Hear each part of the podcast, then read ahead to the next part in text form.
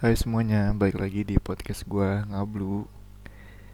Jadi, eh, Ngablu kali ini gue bakal matahin argumen gue di Ngablu sebelumnya yang gue bilang apa namanya nggak akan ada tuh topik-topik karena gue mau ngablu aja. Tapi setelah gue pikir-pikir, kalau kayak gitu bahasannya jadi ke mana-mana nggak jelas. Karena gue buat podcast kayak kemarin itu gue nggak bener-bener gak ada preparationnya gitu deh langsung rekam langsung rekam.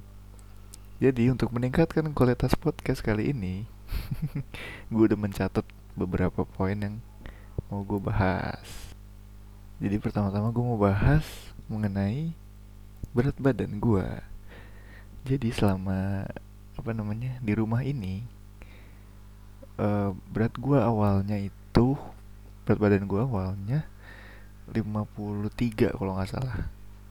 Sebenarnya timbangan gue agak ngaco sih dia suka goyang-goyang gitu tapi kayaknya sih 53 nah gue berencana buat naikin berat badan selama uh, di rumah ini. Dan berhasil berhasil banget. Menurut gue naik 7 kilo sampai sekarang udah 60 tapi muka gue nggak berubah anjir. Apa maksudnya? Badan gue nggak nggak nambah Gak kelihatan nambah gemuk anjir. Cuma nambah beratnya doang. Gue tuh pengen banget tuh Apa Kelihatan kayak gembil, Ada gembil-gembilnya dikit lah. Ya biar nggak kurus-kurus amat Kayak kurang gizi anjir. Tapi Naiknya sukses. Makanya sekarang gue naikin lagi Goalsnya.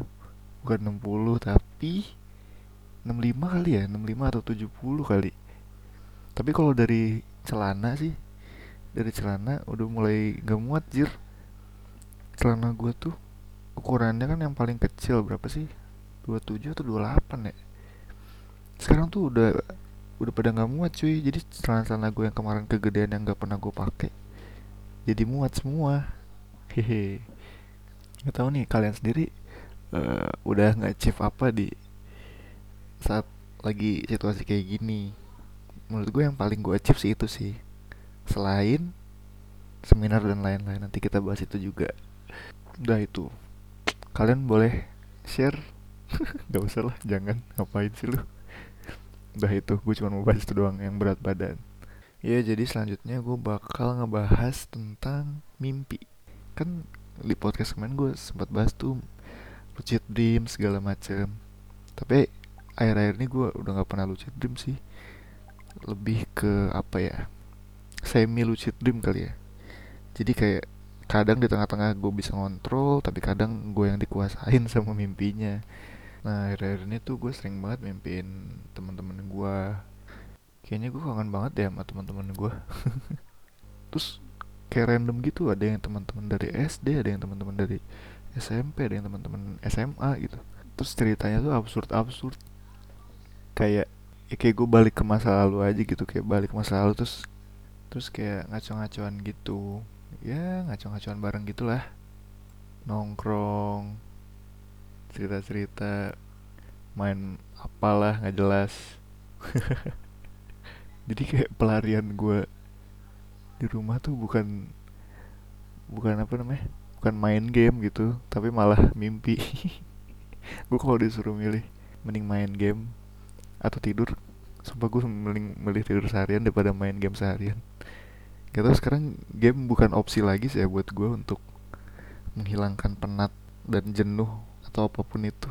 Karena mungkin gue udah jarang juga kali ya mimpi buruk walaupun ada sih satu dua biji kemarin mimpinya sedih sih bukan mimpi buruk yang hantu itu. Jadi lebih relief juga kali ya karena gue akhir-akhir ini nggak pernah nangis juga. Masalah gue banyak tapi gue nggak bisa nangisnya juga nggak bisa ngeluarinnya. Ya mungkin itu salah satu alasan gue mimpi-mimpi yang sedih juga kayak gitu. Kalian sendiri gimana? Uh, kan kita otomatis kalau lagi kayak gini waktu di rumahnya banyak banget ya waktu di rumah banyak jadi kadang kalau kerjaan udah beres ya mau nggak mau kasur adalah tujuan kan nah kalian sendiri mimpinya gimana tuh apakah mimpiin sesuatu yang bikin relief atau malah nambah beban pikiran kalian. Nah, gue mau bahas sekarang mengenai penelitian gue. Jadi di podcast sebelumnya gue bahas gue males ngerjain skripsi bla bla bla. Tapi sekarang udah berapa bulan ya habis podcast yang itu ya. Gue udah seminar. Jadi kalau di departemen gue itu tahapannya itu agak banyak. Jadi yang pertama itu namanya kolokium kolokium itu mungkin bisa disebutnya seminar proposal. Nah itu. Lalu habis kolokium ada yang namanya praseminar. Lucu ya. Jadi sebelum seminar, jadi sebelum seminar hasil ada yang namanya praseminar dulu. Nah, praseminar ini kita disuruh buat ngumpulin papernya, eh bukan paper, ya bener sih paper, makalahnya ke site IPB. Tapi eh, praseminar ini kalian nggak apa-apa kalau belum sampai kesimpulan dan saran jadi boleh cuman sampai uh, hasil dan pembahasan aja lalu habis ada habis praseminar dilanjut seminar hasil. Nah gue gue sendiri kemarin udah seminar hasil. Minggu lalu ya gue lupa hari apa eh tanggal berapa juga gue lupa pokoknya minggu lalu lah. Gue udah selesai seminar hasil. Nah habis ini tahapannya yaitu sidang. Jadi ya doain aja. Ya segera mungkin lah sesegera mungkin lah. Karena habis sidang ya udah sidang kan udah kelar berarti. Seminar gue tuh agak kocak ya jadi uh, di departemen lain kan kalau seminar hasil pas lagi kayak gini ya biasanya tetap ada presentasi dulu kan diawalin presentasi terus baru ditanya-tanya tanya-tanya banyak banget gitu kan sama dosennya. Tapi kalau di Ilkom enggak jadi kita seminarnya itu kita ngerekam kita ngerekam presentasi kita terus kita bikin makalahnya juga otomatis ya nah makalah dan rekaman presentasi kita itu diupload di tadi website IPB tadi nah dari situ dipilih beberapa ya anak ilkom yang seangkatan sama gue buat jadi pembahas jadi pembahas itu dipilih dulu dari awal Nah si pembahas itu nanti nontonin video-video tadi. Jadi pas hari H, pas hari H gue seminar hasil, kita cuma tanya jawab aja mengenai penelitian gue kayak gitu. Dan gue agak seneng sih karena pertanyaan yang dilontarin ke gue gampang gitu yang ya sejalur sama yang apa gue kerjain dan dan emang gue ngerti juga gitu apa yang ditanyain. Ya pokoknya gampang banget dah. Seminar gue tuh cuman 5 menit apa kali kali 10 menit paling lama kali ya. Orang-orang oh ya terus orang-orang abis gue itu ditanya itu banyak banget. Makanya gue agak hoki juga tuh jadi apa namanya jadi yang pertama buat ngejawab jawabin pertanyaan. Lanjut mungkin gue mau sharing ini deh. Uh, buat kalian yang apa namanya buat kalian yang tahun depan penelitian. Mungkin lika-liku buat gue sendiri gue tuh ada dua dosen pembimbing. Jadi dua dosen dosen gue ini yang pertama ini santuy parah. Santuy parah dalam arti ya gimana ya? Kalau gue nanya ini kayak dimudahin lah apa-apa yang gue keluhin tuh kayak digampangin kayak ya udah ya udah ya udah. Sedangkan dosen pembimbing dua gue ini agak berkebalikan karena dia lebih perfeksionis kayaknya ya. Ya gue nggak menyalahkan juga. Dan tulisan gue uh, tulisan gue lebih banyak di periksanya sama yang si dosen pembimbing dua gue dan lucunya adalah kan harusnya hierarkinya adalah dosen pembimbing pertama itu ya dia lebih lebih inilah harusnya ya lebih yang lebih dekat. Tapi gue sama dosen pembimbing dua gue itu lebih dekat dibanding yang dosen pembimbing pertama. Mungkin karena ya dia per, lebih perfeksionis kali ya. Dan jadwal bimbingan itu jauh lebih banyak dibanding yang pertama gue rasa. Jadi kalau tulisan segala macem yang benerin itu si dosen pembimbing dua gue sedangkan dosen pembimbing pertama tuh kayak cuman ya cuman cek cek cek dikit lah kayak menanyakan yang benar-benar ngestak aja gitu yang nggak bisa dijawab sama pembimbing kedua tapi yang jadi masalah adalah karena dosen pembimbing dua gue perfeksionis. Jadi kesalahan apa pun yang gue lakukan kalau dirasa kurang serak dikit itu revisinya tuh banyak dan re revisinya tuh nggak gampang gitu loh. Makanya gue agak ya di satu sisi gue seneng karena lebih kritis kan berarti. Maksudnya tulisan gue jadi lebih baik tapi di satu sisi gue kayak aduh gimana ya kapan gue lulus kok kayak gini? gitu. Sedangkan di dosen pembimbing pertama gue tuh udah selalu iya iya aja makanya gue ngerasa kayak aduh gimana? Gitu. Makanya kalian kalau punya dua dosen pembimbing ya siap-siap aja gitu. Kadang sifat mereka tuh bisa jauh beda gitu. Semangat kalian yang mau skripsian. Terus gue mau bahas oh iya ini yang gue agak ya seneng tapi campur sedih juga sih. Di seminar ini tuh ada beberapa orang yang yang gue rasa gue udah jahat gitu sama mereka. Tapi mereka mereka ini yang gue rasa gue udah jahatin. Ada gitu pas orang-orang ini ada di saat gue uh, menyelesaikan seminar gue gitu. Tuh gue ngerasa kayak gue kan brengsek gitu ngapain sih lu datang pas di hari-hari bahagia gue gitu? Gue ngerasa kayak gue brengsek gue udah brengsekin lu udahlah jangan dateng gue gue jadi ngerasa gue ber, makin brengsek gitu kok. Kalau dateng karena jujur gue tuh orangnya gampang banget ngekat orang dari hidup gue jadi biasanya kalau gue punya masalah yang gue rasa masalahnya tuh udah udah nggak make sense lah udah nggak sejalan sama prinsip gue biasanya gue langsung cut orangnya. Gue tuh orangnya kayak gitu. Nah gue ngerasa kalau gue udah ngekat berarti ya udah dong. Ternyata orang-orang ini ya ternyata mereka tuh baik banget gitu. Mereka tuh tetap datang di saat gue udah ngejahatin. Ya gue sendiri mungkin kalau gue digituin orang gue nggak akan gue nggak akan balik cuy. Maksudnya kalau gue nih misal gue dikat sama orang oh ya udah berarti berarti ya udah gitu. Kita tuh ya udah dan gue juga nggak akan balik-balik lagi juga. Tapi mereka mereka ini mungkin lebih dewasa jauh lebih dewasa mungkinnya dibanding gue yang mereka memilih untuk ada gitu di saat hari-hari bahagia gue karena ini termasuk salah satu hari bahagia gue kan seminar ini seminar hasil. One step sebelum sidang. Gitu aja sih yang mau gue bahas. Ya sedihnya adalah gue udah jahat tapi senangnya adalah mereka tetap mau balik. Makanya gue nggak tahu sih gue harus bayar dengan apa gitu. Itu aja. Itu doang. Oh iya gue lupa sebenarnya hari ini tuh gue ngedeadlinein diri gue tahu buat ngerjain sesuatu.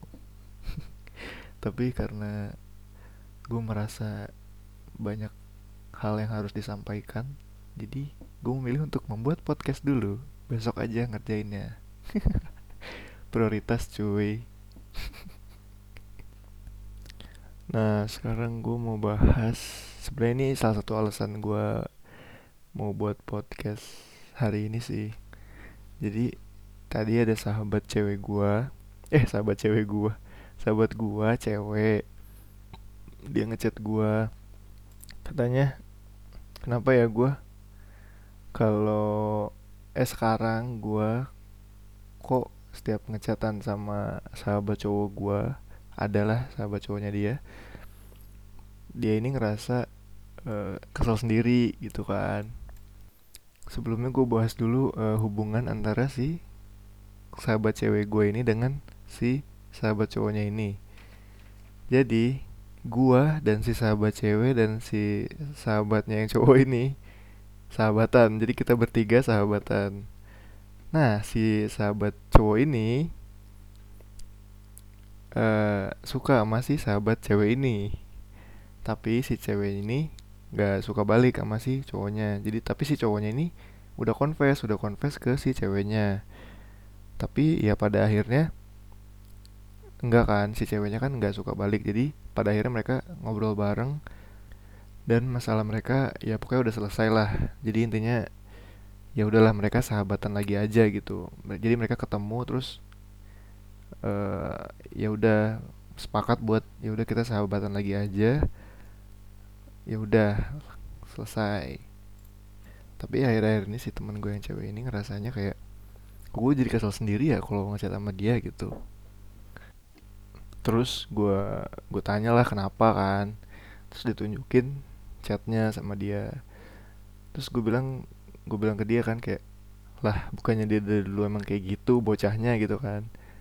Dari dia sebelum bilang suka ke lu juga dia anaknya kayak gitu gitu ya pokoknya menurut gue seharusnya si si ceweknya ini ya nggak marah. Maksudnya dia dulu dari dulu emang orangnya kayak gitu gitu si cowoknya. Dan selama ini dia nggak nggak kenapa-napa kenapa sekarang jadi dipermasalahin kan.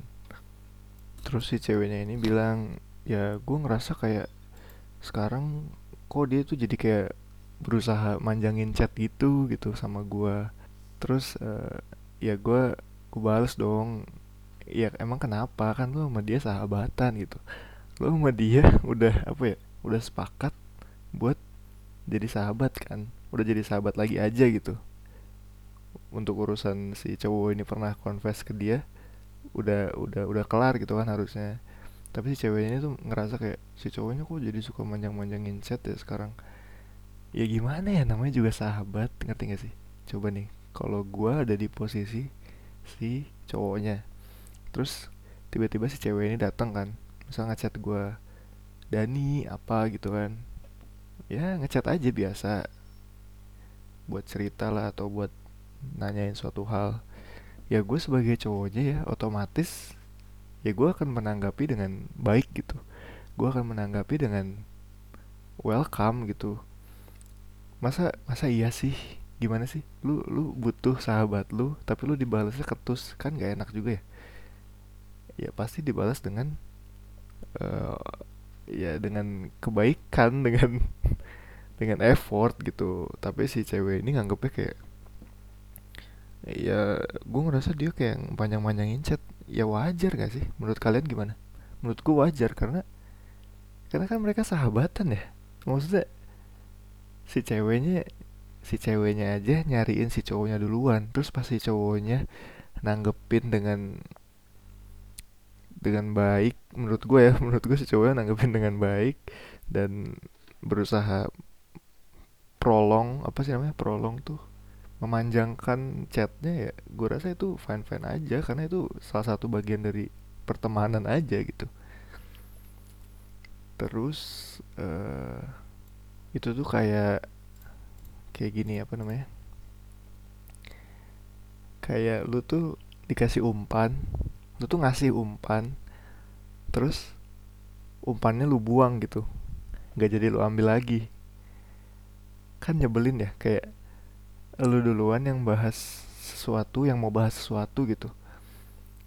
Tapi kok malah elunya yang nggak mau bikin obrolannya nyenengin atau at least bikin obrolannya nggak monoton gitu kan makanya jadi menurut gue ya mungkin si cowoknya tuh udah bersikap biasa aja. Si cowoknya tuh udah pengen bersikap kayak dulu lagi tapi si ceweknya masih masih kayak ah ini mah masih ngejar-ngejar gue kali ya. Ah ini mah masih gimana kali ya? Mungkin gue asumsinya gitu.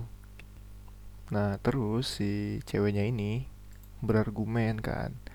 Dia bilang katanya hmm, ya gue ngabarin karena ya gue ngerasa si cowoknya ini precious buat gue gitu. Karena kita udah temenan lama dan ngerasa dia harus tahu aja gitu apa yang ya apa yang gue keluh kesahin. Tapi ketika si cowoknya ini nambahin guyunan atau nambahin sesuatu gitu kadang di situ gue mikir kenapa kenapa bercanda sih? Gitu. Bak walaupun si ceweknya tahu kalau si cowoknya tuh niatnya buat uh, buat nyairin suasana gitu. Jadi agak kontras ya perbedaan uh, sudut pandang gue masih si ceweknya ini. Ya terus intinya gue kayak tetap kekeh gitu kan tetap teguh pendirian. Kalau ya si cowoknya tuh nggak salah maksudnya yang nyariin duluan aja si ceweknya gitu. Ya etikanya gimana sih? Maksudnya yang nyariin duluan kan si ceweknya ya kalau si cowoknya membalas dengan ya biasa aja gitu yang yang welcoming dan mau memperpanjang chatnya kenapa jadi salah gitu maksud gue uh, sebenarnya terlepas dari siapa yang nyari duluan pun ya nggak masalah gitu untuk si cowoknya effort untuk memperpanjang chat atau apa. Karena gue mikirnya kan kayak kan statusnya kan udah jadi sahabat lagi kan maksudnya si ceweknya tuh dan si cowoknya udah ya udah mencoba berdamai lah dan ya udah gitu. Statusnya udah sahabat jadi ya sebagai sahabat yang baik menurut gue ya kalau ada sahabat yang datang ya ya harus direspon gitu harus direspon dengan baik. Dan menurut gue memperpanjang chat merupakan salah satu cara yang tidak salah gitu untuk menjaga hubungannya ini gitu terus ya udah kan. Nah terus si ceweknya bahas lagi katanya gue juga nggak nyaman kalau dia apa namanya kalau dia ngelakuin sesuatu dengan sepenuh hati padahal gue nggak minta gitu. Konteksnya itulah pokoknya. Terus gue bilang kan kayak ya gimana ya kan si cowoknya pernah sayang sama lu gitu dan mungkin masih selama dia nggak nggak ngerugiin lu kenapa lu harus kenapa lu harus nggak suka gitu kan? Tapi itu balik lagi sih maksudnya kayak kalau emang si ceweknya risih ya mau kalau dipaksa juga kan nggak enak ya. Jadi nggak tahu sih menurut kalian gimana? Menurut gue menurut gue nggak masalah ya si cowoknya uh, masih berbuat sepenuh hati ke si ceweknya walaupun udah udah ditolak atau apa menurut gue nggak masalah. Selama si cowoknya nggak ngerugiin si ceweknya. Tapi nggak tahu menurut kalian gimana? Apakah maksudnya kan ada kan cewek yang beberapa yang kayak kan gue udah enggak gitu. Ngapain sih lu masih effort effort gue risih tahu kan ada yang kayak gitu juga kan. Makanya jadi ya serba salah sih. Namanya orang sayang mah nggak bisa dipaksa kan. Maksudnya si cowoknya sayang ke ceweknya juga nggak bisa dipaksa. Tapi si ceweknya risih ke si cowoknya juga nggak bisa dipaksa kan jadi ya itu membalik lagi lah. Terserah mereka menyelesaikannya bagaimana. Terus oh iya tuh si ceweknya tuh rasa risih juga kalau si teman-teman si dari si cowoknya ini ngeceng-cengin si dianya. Terus gue bilang kan oh iya jelas lah itu mah maksudnya ya pasti risih lah orang kalau diceng-cengin. Kayak eh lu gini gini gini ya, ya pasti kan gak enak kan rasanya. Tapi gue tekanin lagi maksudnya si cowoknya kenapa bisa diceng-cengin sama si teman cowoknya? Kan berarti si, si cowoknya kan pernah cerita kan ke teman-temannya. Ya maksudnya baik lagi gitu si cowoknya kan berhak gitu untuk cerita ke siapa aja. Cuman yang jadi masalah adalah teman-teman si cowoknya ini yang ikut campur di hubungan mereka berdua jadi yang salah bukan cowoknya menurut gue tapi si teman-teman si cowoknya ini yang ikut campur. Tapi kalau si cowoknya mau cerita ke siapa aja mah terserah nggak sih? Maksudnya mau cerita ke tukang bakso juga nggak masalah kan selama si tukang baksonya nggak nggak ikut campur gitu. Udah pada akhirnya ya udah ya udah yang lu yang lu bener-bener nggak -bener serak apa sih sebenarnya? Terus akhirnya diobrolin sama si ceweknya ke si cowoknya. Terus udah deh bahasannya selesai gitu doang. Kalian ngerti nggak ceritanya? Atau masih nggak mudeng? Kalau nggak mudeng pelan-pelan dengerin. Pokoknya intinya si ceweknya ini intinya ada dua orang si cewek dan si cowok. Dua-duanya sahabat gue nah si cowoknya ini pernah nembak si ceweknya. Bukan nembak sih ya confess aja. Tapi si ceweknya membalas dengan tidak nah si cowoknya eh si ceweknya sekarang akhir-akhir ini ngerasa risih saat ya saat mereka berdua ngechat gitu. Karena ya beberapa hal lah tadi udah gue bahas ya. Jadi silahkan dengerin ulang. Pelan-pelan aja dengerinnya. Bisa di bisa dipelan-pelanin gak sih? Nggak bisa ya? Udah intinya mah gitu aja. Nggak ada intinya. Siapa tahu ada yang merasakan hal yang sama. Terus lanjut gue mau bahas kalian tahu nggak sih ini kalau lagi ngobrol sama orang gitu terus tiba-tiba suka bengong aja. Bengong terus nggak ngedengerin gitu. Gue kalau lagi jalan gitu sama orang ya terus dia cerita gitu kadang gue suka kayak gitu sih. Si orangnya udah cerita panjang lebar terus gue tiba-tiba hah? Oh iya anjir iya iya. Padahal gue nggak dengerin. Itu sebenarnya bukan karena gue nggak mau dengerin ya tapi karena gak tahu tiba-tiba gue kepikiran sesuatu gue jadi bengong jadi nggak sadar. Terus pas dia udah kelar ngomong baru gue tanggepin. Kalian sering kayak gitu juga gak? gue sering banget kayak gitu anjir. Iya terus gue pernah kan kayak sama mantan gue jalan terus gue kayak cuman iya iya iya iya iya iya iya iya. Terus tiba-tiba gue sadar gitu kan jadi kayak gue nggak nggak dengerin gitu. Sebenarnya gue gue niatnya tuh bukan bukan sengaja nggak dengerin tapi emang emang tiba-tiba bengong aja tiba-tiba hilang pikiran gue tiba-tiba melayang-layang aja sendiri. Kalian sering kayak gitu nggak? Tuh gue doang. Gue nggak aneh kan? Soalnya ini gue liat di postingan twitter orang jadi gue ngerasa kayak oh nggak gue doang berarti. Kayak gue ceritain di sini. Terus yang terakhir gue mau oh ya kan tadi ngomongin twitter dikit tuh. Terus menurut gue sekarang ya twitter nggak asik anjir. Twitter isinya orang-orang serius semua orang-orang berantem semua anjir. Kenapa ya? Gue nggak ngerti sih. Ya gue nggak bilang gue adalah senior di twitter atau gimana tapi dari yang gue lihat dari dulu sampai sekarang sekarang tuh kayak orang serius banget politik banget. Sekarang Twitter udah tidak asik dulu karena dulu isinya lebih banyak bercanda lebih banyak ya konten-konten seru-seruan aja. Dan dulu tuh kalau lu nge-tweet sesuatu tuh ya udah gitu. Twitter itu cuma buat curhat aja. Dan lu nggak akan keciduk karena tweet lu gitu. Sekarang tuh kayak apa pun yang lu tulis itu bisa jadi masalah gitu. Mungkin itu alasan gue juga kenapa gue nge-private Twitter karena oh gila sih. Lu nge-tweet apa aja bisa bisa diserang anjir. Kalaupun bukan siapa-siapa ya lu kayak bahaya. Padahal dulu tuh kayak lu nge-tweet apa aja bebas. Terus lu nggak peduli lah ada yang nge-retweet atau ada yang nge-replay juga lu nggak peduli. Ya emang tujuan Twitter tuh dulu menurut gue ya buat curhat biasa aja kayak blog lah personal blog. Tapi ya lebih compact aja gitu kali ya.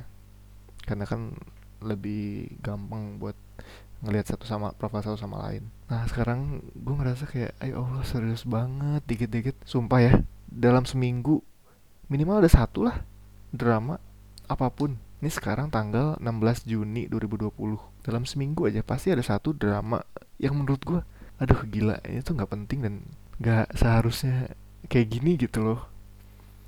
Gue tuh pengen banget dengan unfollow unfollow orang-orang ini gitu tapi Dah gimana itu teman-teman gue juga kalau gue unfollow nanti yang lucu-lucunya juga ikutan hilang kadang kan mereka nge-tweet yang lucu juga.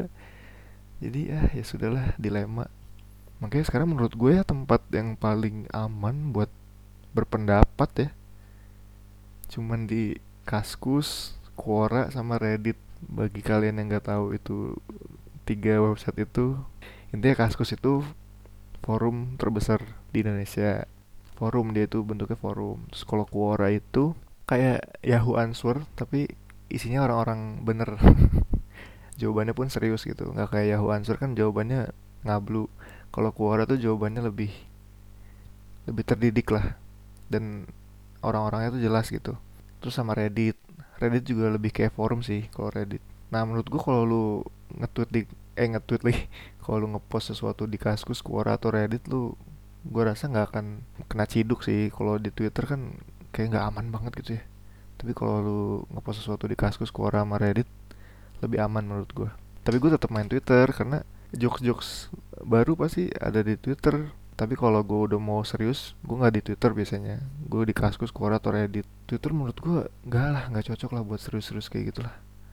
Udah seriusnya mah di tempat lain aja lucu-lucunya di Twitter kalau gue pribadi ya karena sekarang kalau isinya tuh Twitter tuh kalau nggak feminis bahas-bahas feminis terus bahas-bahas privilege wow kamu mah terlalu privilege gini gini gini.